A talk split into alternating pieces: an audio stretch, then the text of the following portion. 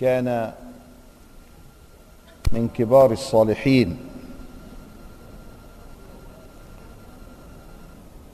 توفي في أوائل القرن الثامن الهجري.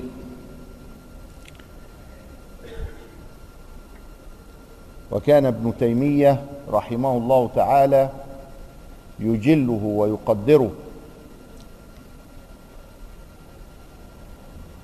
ويناديه يا ولي الله. شهد على ابن تيمية في عدة مسائل فكان سببا في دخوله السجن. فلما خرج قال لا ألومك لأنك ما قلت إلا الحق. يعني ما لناش دعوة أنهم يسجنوني ولا ما يسجنوني لكن أنت قلت الحق. وأعلم أنك ما قلت ذلك إلا لله.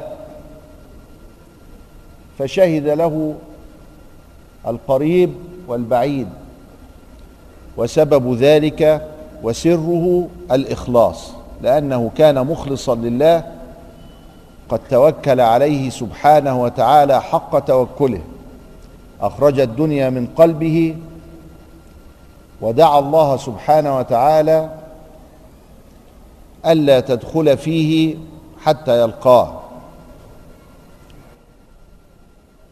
فتنزلت عليه الأنوار وتكلم بهذه الحكم التي سميت بالحكم العطائية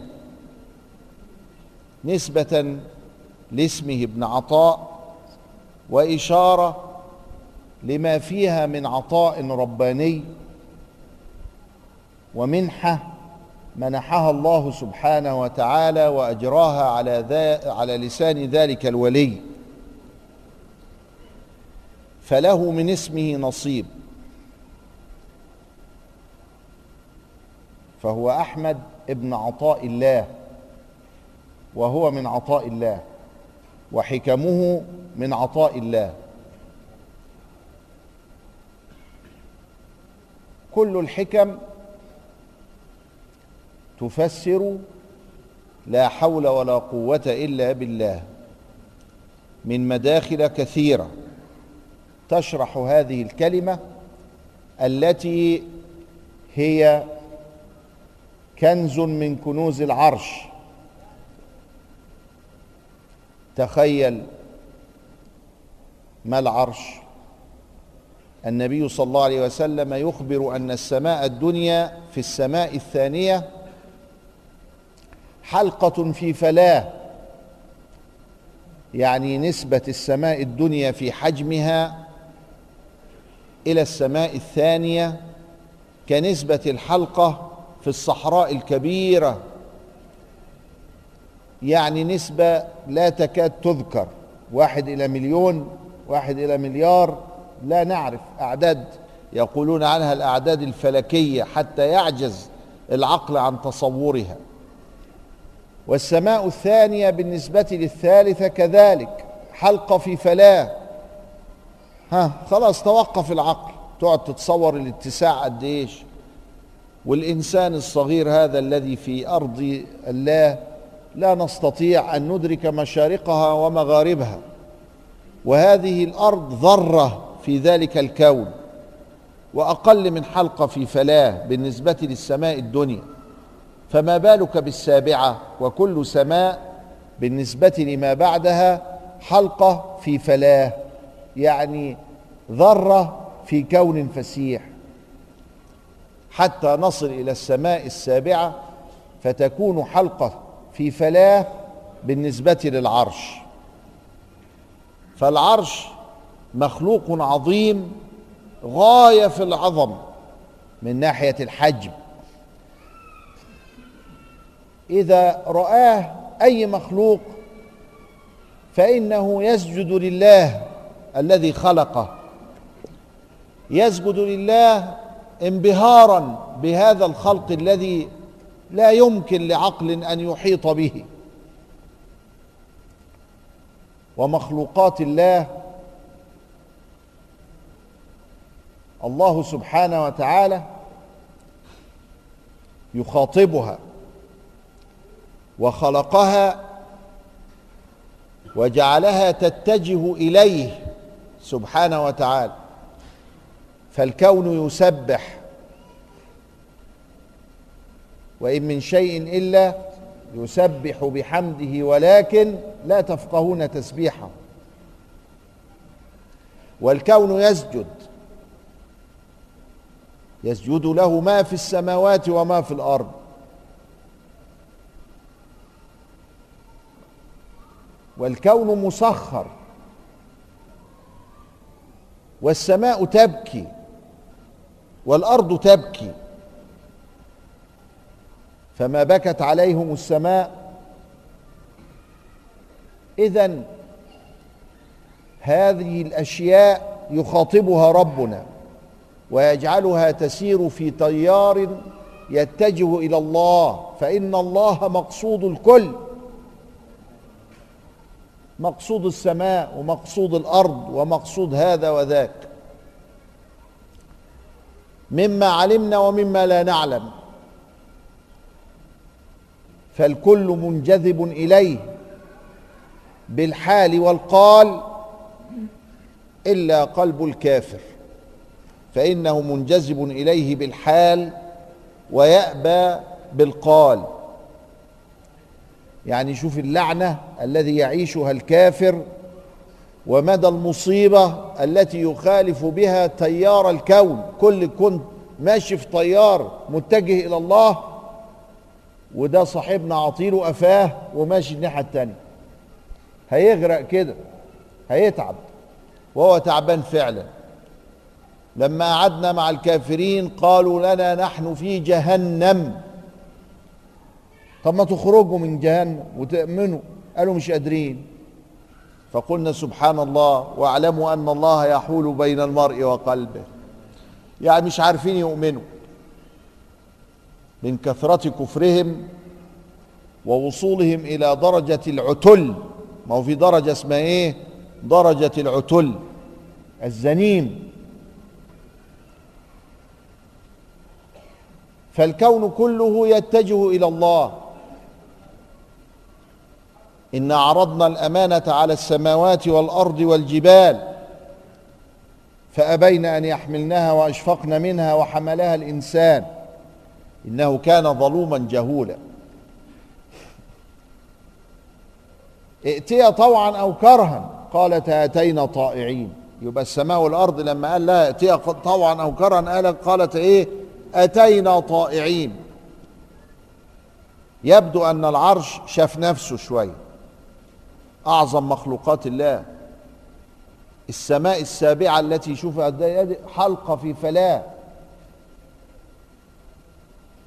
فلما خلقه الله ما مكنوش إن هو يعني يتكلم كده ولا كده. الرحمن على العرش استوى. استوى فين بقى؟ استوى. استوى يعني سكته. يعني استولى عليه وقهره. طب هو يعني مخلوقات الله تقهر من الله؟ ما هو ما هو بيقول اهو ائتيها طوعا أو كرها. يعني لو ما اتيتوش طوعا هتأتوا كرها. ففي مخلوقات كده. هيفكر يعني وهيتمنظر كده. لا. تيجي قهرة. العرش. دليل عظمة الله. فاستواء الله عليه معناه شدة العظمة. فالله عظيم لا يحيط به العقل. قمت تلاقي أهل الله وهم بيصلوا على سيدنا رسول الله صلى الله عليه وسلم.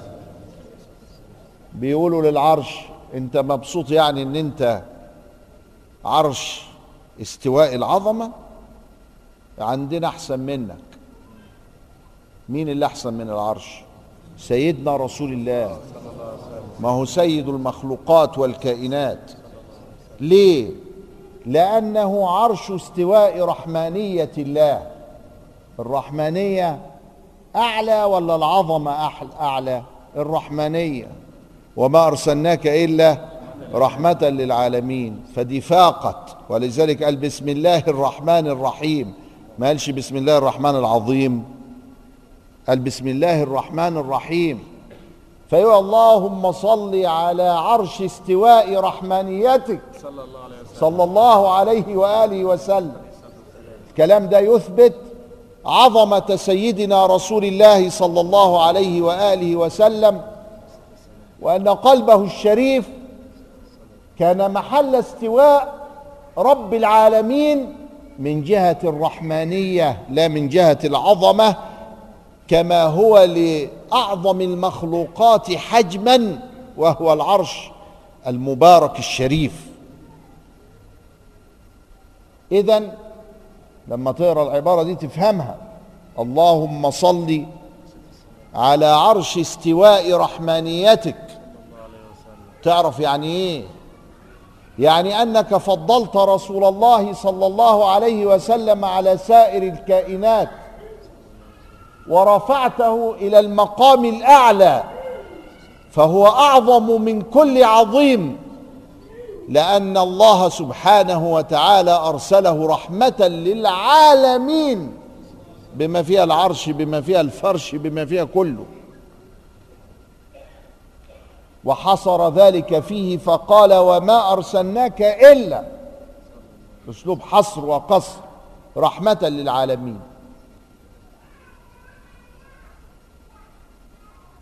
هذا العرش الذي استوى عليه ربنا سبحانه وتعالى.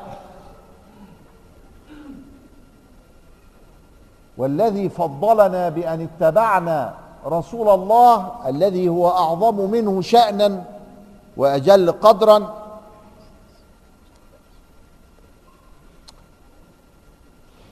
هذا العرش يسبح بحمد الله مع عظمته. وإذا نظر إليه الناظر خر ساجدا لله. خر ساجدا مش للعرش دي أمة توحيد خر ساجدا لله. لأنه يتبين أن من خلق هذا يستحق السجود له. فالكون يسجد. فلا بد عليك أيها المؤمن أن تسير في تيار هذا الكون. فابن عطاء الله السكندري لما خلى قلبه من الدنيا أصبح قلبه عرشا من عروش الله. تتلألأ عليه الأنوار. لأن الله يتخذ القلب عرشا.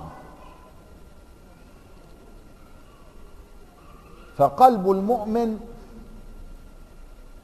إذا أخرج منه السوى سوى الله سبحانه وتعالى ولم يبق فيه إلا الله انكشفت له الأنوار وانكشفت له الأسرار. فينطق بالحكمة. ومن يؤتى الحكمة فقد أوتي خيرا كثيرا.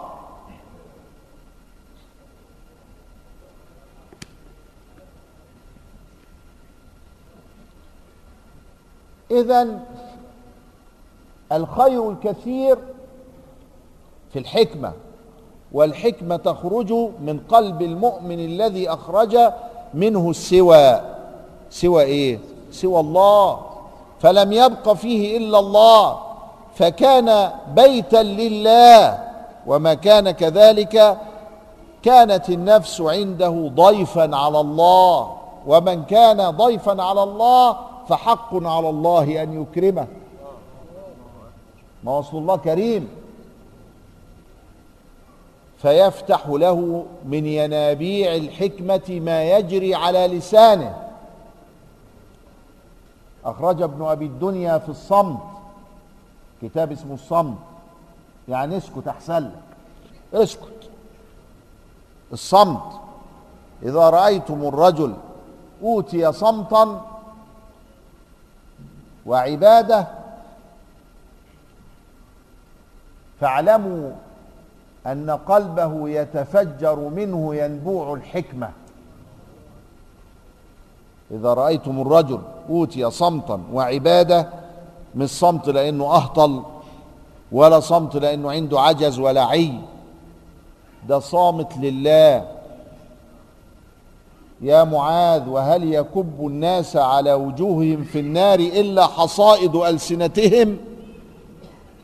أن أخذوا بما نقول يا رسول الله؟ قال رب الكلمة من غضب الله لا يلقي أحدكم إليها بالا تهوي به سبعين خريفا في جهنم.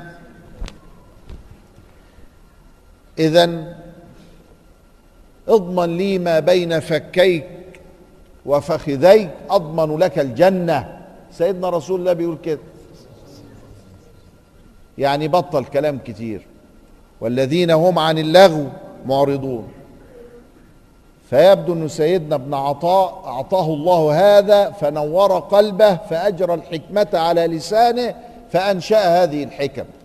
حتى صار قلبه عرشا للأنوار وانكشاف الأسرار. 264 حكمة. كل حكمة تكتب بماء الذهب. مات ابن عطاء سنة 709 ودفن بسفح المقطم. وهو تلميذ المرسي أبو العباس المدفون بالأسكندرية. والمرسي أبو العباس تلميذ أبو الحسن الشاذلي المدفون بحميثرة على البحر الأحمر في جنوب الوادي. وأبو الحسن الشاذلي وكان اسمه علي. تلميذ ابن بشيش أو مشيش لأن العرب إذا جاءت الباء في أول الكلمة ساعات ينطقوها باء وساعات ينطقوها ميم. قال ما اسمك؟ قال بكر. قال وما الذي عدل بك عن لغة قومك؟ كانوا لازم البي يعملها إيه؟ مكر. فقال خفت أن تك أن أكون مكرا. بلاش يعني خلينا كده. في بكر أحسن من مكر فكانوا يعملوا كده العرب. فابن عطاء له سلسلة يرقى بها إلى الأخذ عن رسول الله صلى الله عليه وآله وسلم وهذا الطريق إلى الله بركته في تلك السلسلة. المسلمون دائما يهتمون بالسلسلة بالأسناد. إن هذا الإسناد دين فانظروا ممن تاخذوا دينكم. تميزت الأمة الإسلامية بأنها قد وثقت قرآنها. لازم أقرأ على الشيخ. عشان أقول إن القرآن ده صحيح هو اللي أنا بنطقه ده هو اللي سمعته من الشيخ. وثقوا أحاديث نبيهم صلى الله عليه وآله وسلم. مليون سند عشرين ألف بني آدم ليهم ملفات عندنا. كل ملف فيه مات إمتى؟ واتولد إمتى؟ ورحل إلى أي البلاد؟ وهكذا. كذلك في الطريق إلى الله والإرشاد والوراثة والبركة. فإن البركة تنثال في حلقا حلقات السلسلة. سلسلة بدايتها أنت ونهايتها سيد الخلق صلى الله عليه وآله وسلم. لا عن أوهام ولا عن أخبار تنقل وتزاد وتنقص. بل عن حق وحقيقة ورؤية ومشاهدة وأخذ. البركة من جيل إلى جيل ومن حلقة إلى حلقة.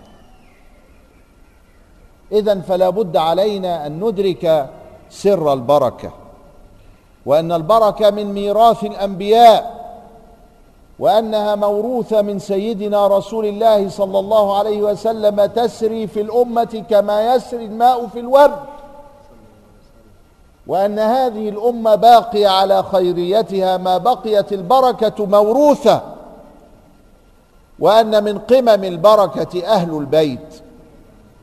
فإن النبي صلى الله عليه وآله وسلم فيما أخرجه الترمذي وليس في الستة سواه يقول تركت فيكم ما إن تمسكتم به لن تضلوا بعدي أبدا. كتاب الله وعطرة أهل بيتي ما فيش وسنتي في الستة اللي موجود في الكتب الستة وعطرة أهل بيتي وسنتي أخرجه أحمد. تركت فيكم ما إن تمسكتم به لن تضلوا بعدي أبدا كتاب الله وسنتي. ده موجود في أحمد. لكن وعطرتي في الترمذي. الترمذي مقدم على أحمد. لأنه من الكتب الستة المعتمدة. يعني إيه أهل البيت؟ يعني النبي حقيقة.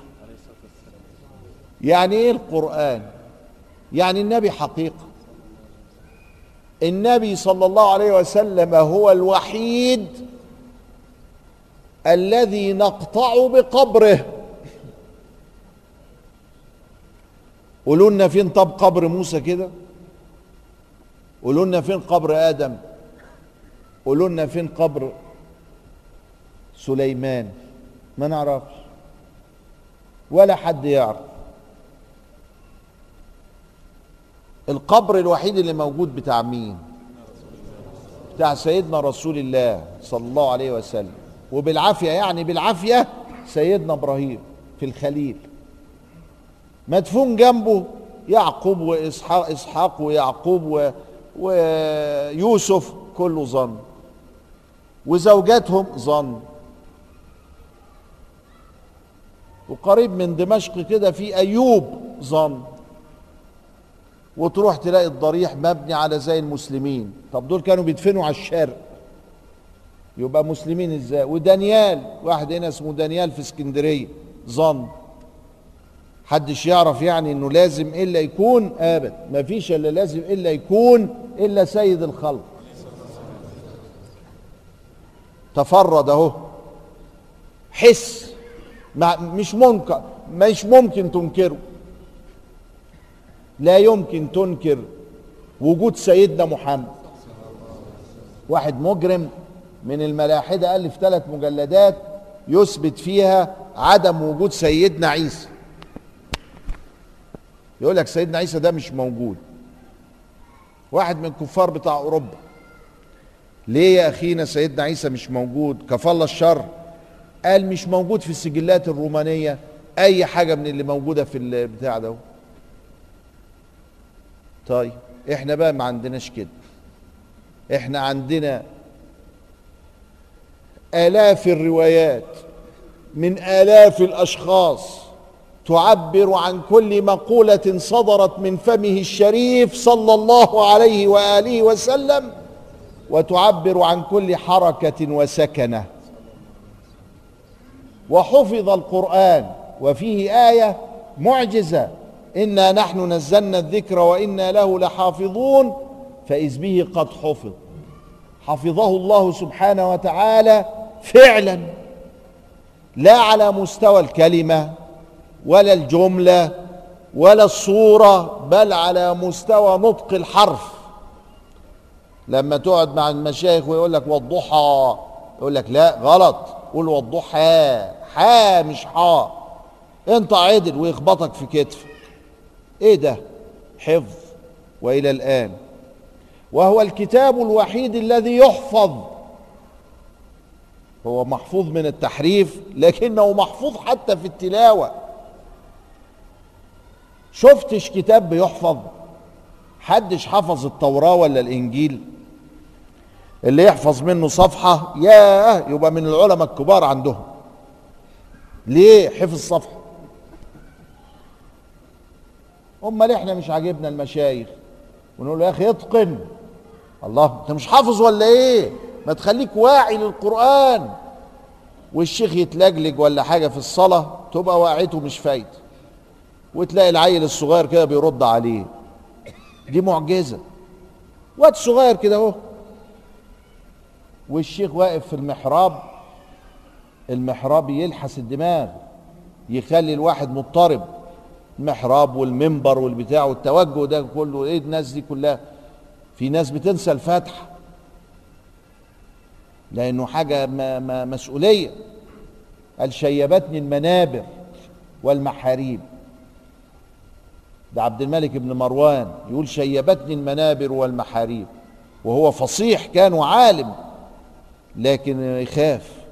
وبعدين إذ بيك تلاقي الراجل في رمضان واقف بينا وما يغلطلوش إلا يمكن ربع غلطة. بس كان يعني دخل من آية لآية برضه حافظ يعني.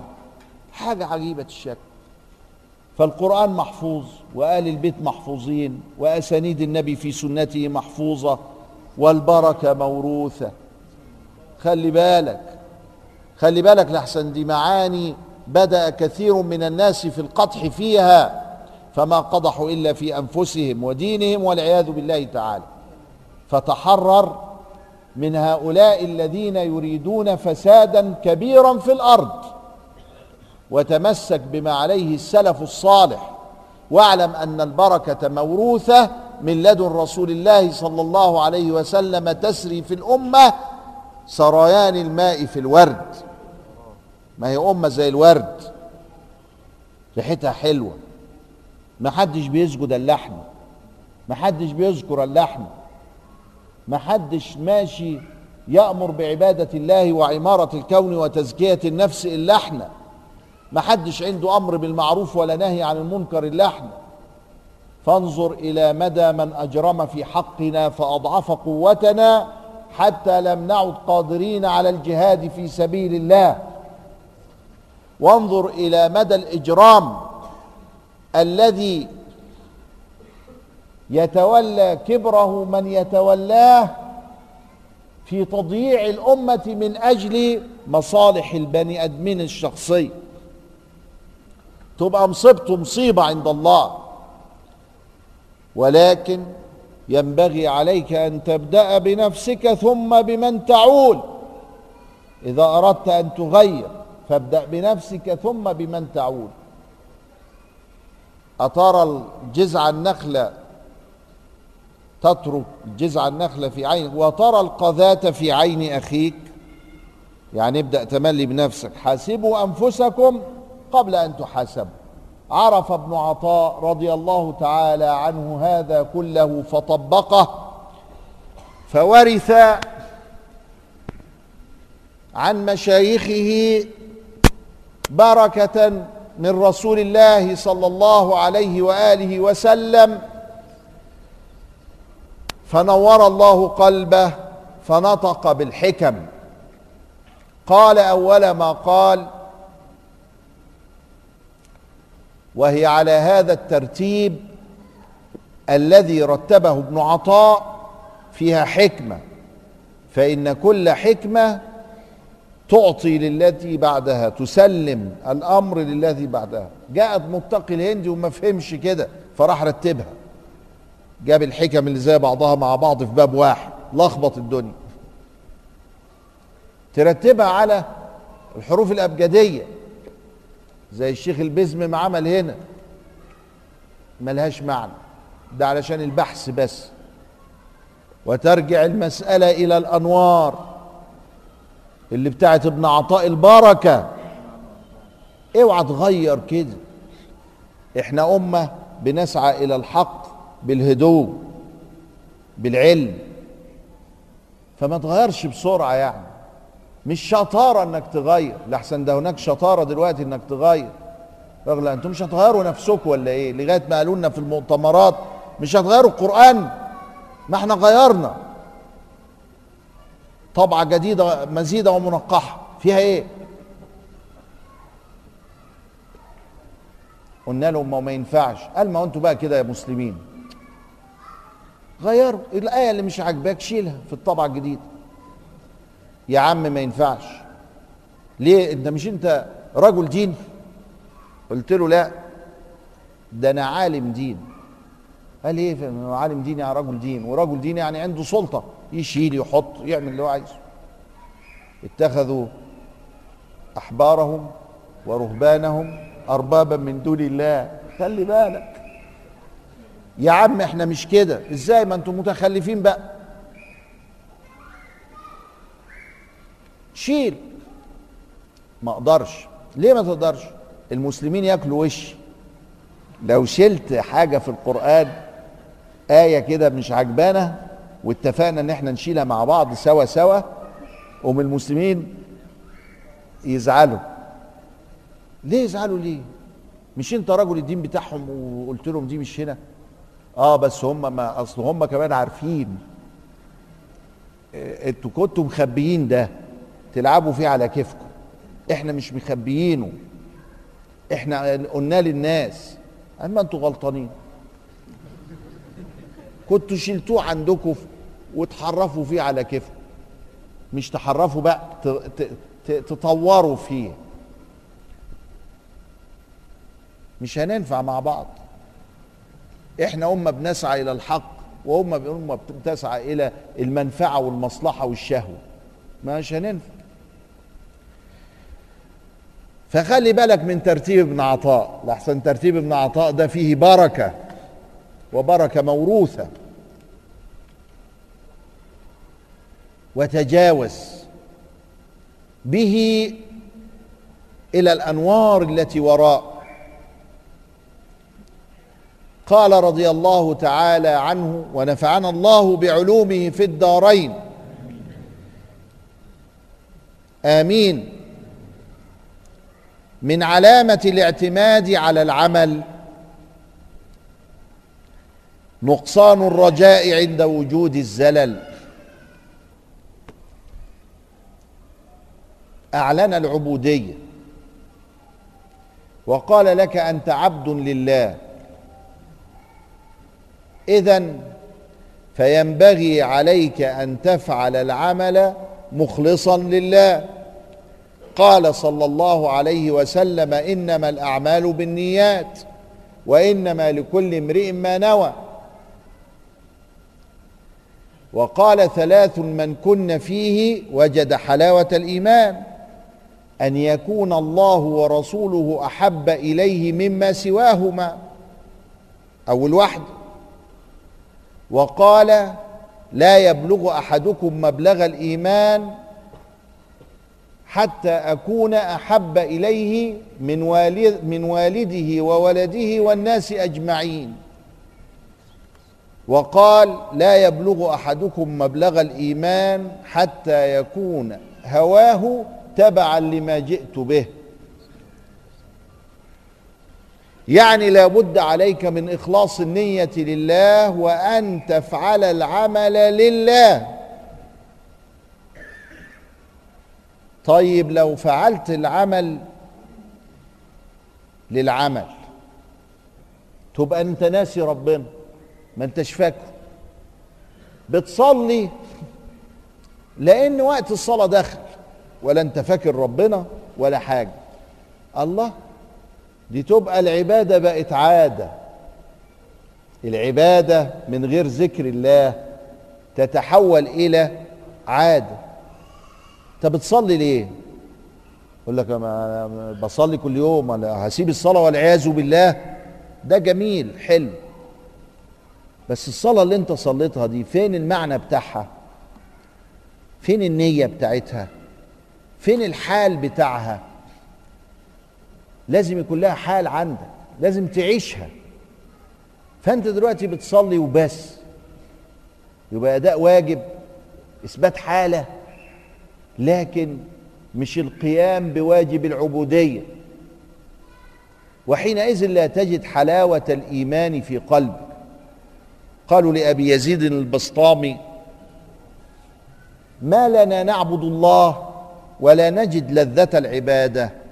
قال إنكم عبدتم العبادة. لو عبدتم الله لوجدتم لذة العبادة. يعني اذا عبد العبادة يعني إيه يعني صلى علشان يقول لنفسه مش يقول لغيره. يقول لغيره ده يبقى مرائي. لا ده يقول لنفسه أنا صليت أنا جدع. أنا صليت أنا جدع. يبقى حاجة بنصل إلى درجة اسمها الاعتماد على العمل. يبقى أنا أعتمد على العمل. بقول له بتصلي ليه؟ قال لي عشان ربنا دخلني الجنة. آه. يبقى أصبحت العبادة لها غرض والغرض شخصي.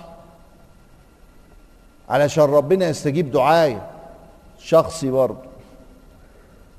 مش لأن الله يستحق العبادة لا. ده عملية شخصية. أنا هعبد ربنا لأجل غرض. الغرض ده إنه يكرمني في الدنيا ويكرمني في الاخره والغرض ده هو إن أنا أبقى قدام نفسي راجل محترم. أنا بصلي وبصوم وما بعملش المعاصي. يبقى في اعتماد على العمل.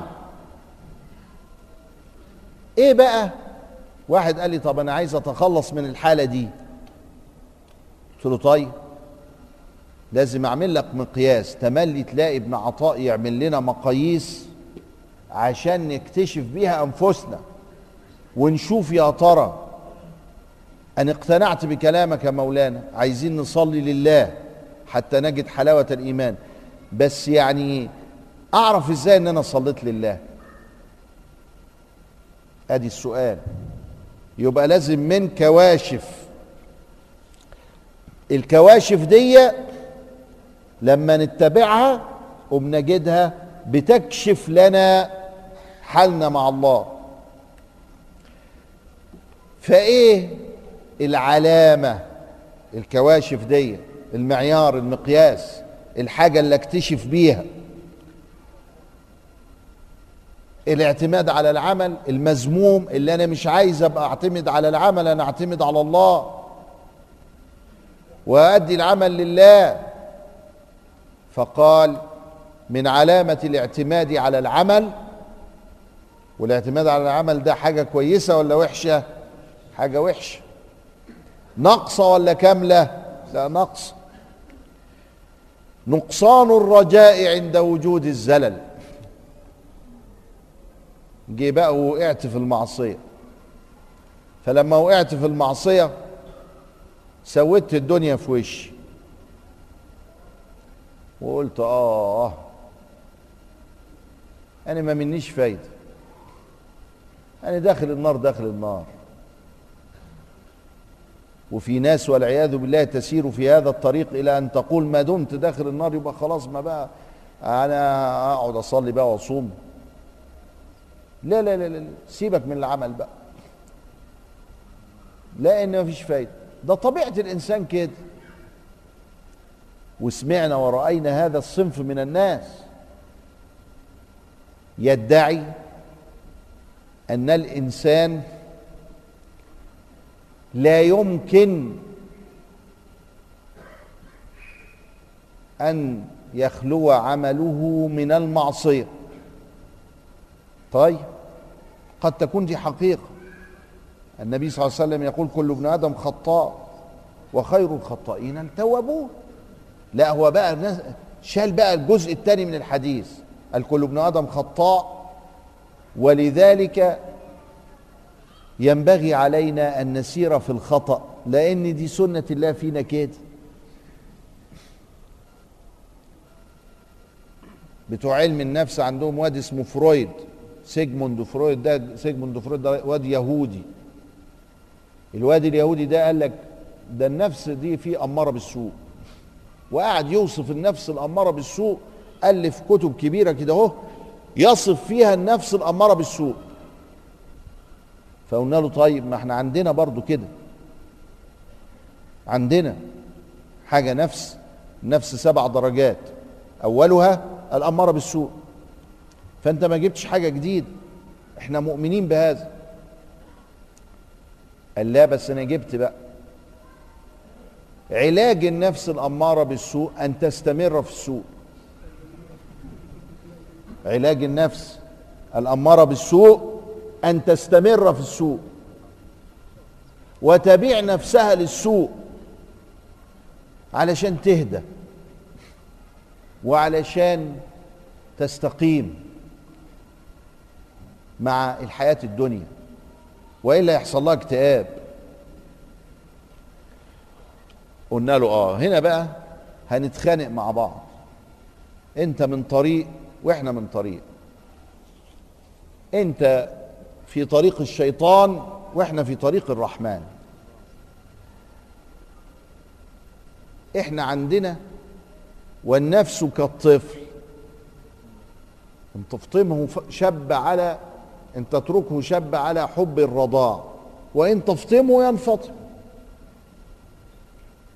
شوف إزاي؟ النفس لما هتديها تطلب أكتر. مش بترتاح دي بتتعب أكتر. وهو ده اللي حاصل لغاية ما بينتحروا. أكبر نسب انتحار عند الناس اللي طوعت فرويد يفضل نديله نديله نديله لغاية ما ينتحر. نديله نديله نديله لغاية ما قال إيه الحياة مالها؟ شكلها إيه الحياة بعد كده؟ ويجي منتحر. لكن إحنا عندنا النفس دي الأمارة بالسوء بعديها نوصل الواحد إلى نفس لوامه تقول له لا عيب اختشي. تلومه. والنفس اللوامة تسلمه إلى النفس الملهمة. والنفس الملهمة إلى الراضية والراضية إلى المرضية والمرضية إلى المطمئنة والمطمئنة إلى الكاملة. مين قال لك يا فرويد إن النفس أمارة بالسوء بس؟ النفس أيوه أمارة بالسوء موجودة ولكن مين اللي قال لك إن إحنا نسلمها إلى السوء؟ النفس نسلمها لربها. النفس نقاومها ونضغط عليها ونخليها تحت أقدامنا فاذ بها تستقيم وتسكت لأنها زي الطفل. والنفس كالطفل إن تهمله شب على حب الرضاع وإن تفطمه ينفطم. فحاذر النفس والشيطان وعصيهما وإن هما محضاك النصح فاتهمي ولا تطع منهما خصما ولا حكما. فأنت أعلم كيد الخصم والحكم. النفس دي ما تديهاش كده ما تمشيش وراها. ده لازم تقاومها. من علامة الاعتماد على العمل نقصان الرجاء عند وجود الزلل. فلما بتقع في المعصية تيأس. لا ما تيأس. ثق بالله. ارجع. تب. خير التوابين خير الخطائين التوابون. بادر بالمغفرة فر إلى الله سارع إلى المغفرة وهكذا. هذه أول حكمة من علامات الاعتماد على العمل نقصان الرجاء عند وجود الزلل. وده إيه علاقته بلا حول ولا قوة إلا بالله؟ إذا تبرأت من حولك وقوتك عرفت أن العبادة التي جرت عليك إنما هي من الله ومن توفيق الله وأنه لا شأن لك إلا أنك محل تجلي فعل الله في كونه. هو أنت صليت أصلا يا مجرم؟ الله هو الذي جعلك تصلي. يستوجب منك أن تحمد الله سبحانه وتعالى على أن وفقك إلى الصلاة. الله سبحانه وتعالى هو الذي وفقك للطاعات وهو الذي خلقها عليك وأجراها عليك. فيجب عليك أن تشكره وعندما تشكره فإنه يجب عليك أن تشكره أن وفقك لشكره. وعندما تشكر شكره يجب عليك أن تؤمن أن ذلك كله من عند الله وأنك لا توفيه حقه أبدا. لا يمكن أن توفيه حقه لأن كل ما شكرت كل ما احتاج الأمر إلى شكر مزيد ولذلك يقول أنت كما أثنيت على نفسك لا نحصي ثناء عليك. أنت كما أثنيت على نفسك. ما مش هتنفع. قول له خلاص أنا عجزت. عجزت إن أنا أحمدك. كما ينبغي لجلال وجهك أن يكون. ولذلك أنت بقى أحمد نفسك. لأنني لو حمدتك مش هخلص. أنا ضعيف. لا ملجأ منك إلا اليك سبحانك. لا أحصي ثناء عليك. أنت كما أثنيت على نفسك. يعني إيه يعني لا حول ولا قوة إلا بالله. فإذا عرفت هذه الحقيقة وأن ما قدمته من عبادة إنما هو من فضل الله عرفت أنه إذا ما قصرت ووقعت في الزلل فلا بد عليك من الرجاء. في الله لأن الكل من عند الله. اذا فلا تيأس. يبقى الحكمة دي علمتنا أمور. أولا أنه لا حول ولا قوة إلا بالله. ثانيا لا تعتمد على العمل. ثالثا اعلم أن ما جرى عليك من الطاعات فبإذن الله ومن الله مما يستوجب مزيد الشكر. رابعا إذا وقعت في الزلل فارجو المغفرة وبادر بالتوبة. خامسا إذا لم تكن كذلك فاعلم أنك ما زلت في نطاق الاعتماد على العمل. ولا بد عليك أن تتخلص من هذه الصفة. نكتفي اليوم بهذا ثم إن شاء الله نشرع في شرحها إلى أن ننتهي منها في رمضان. القادم إن شاء الله تعالى.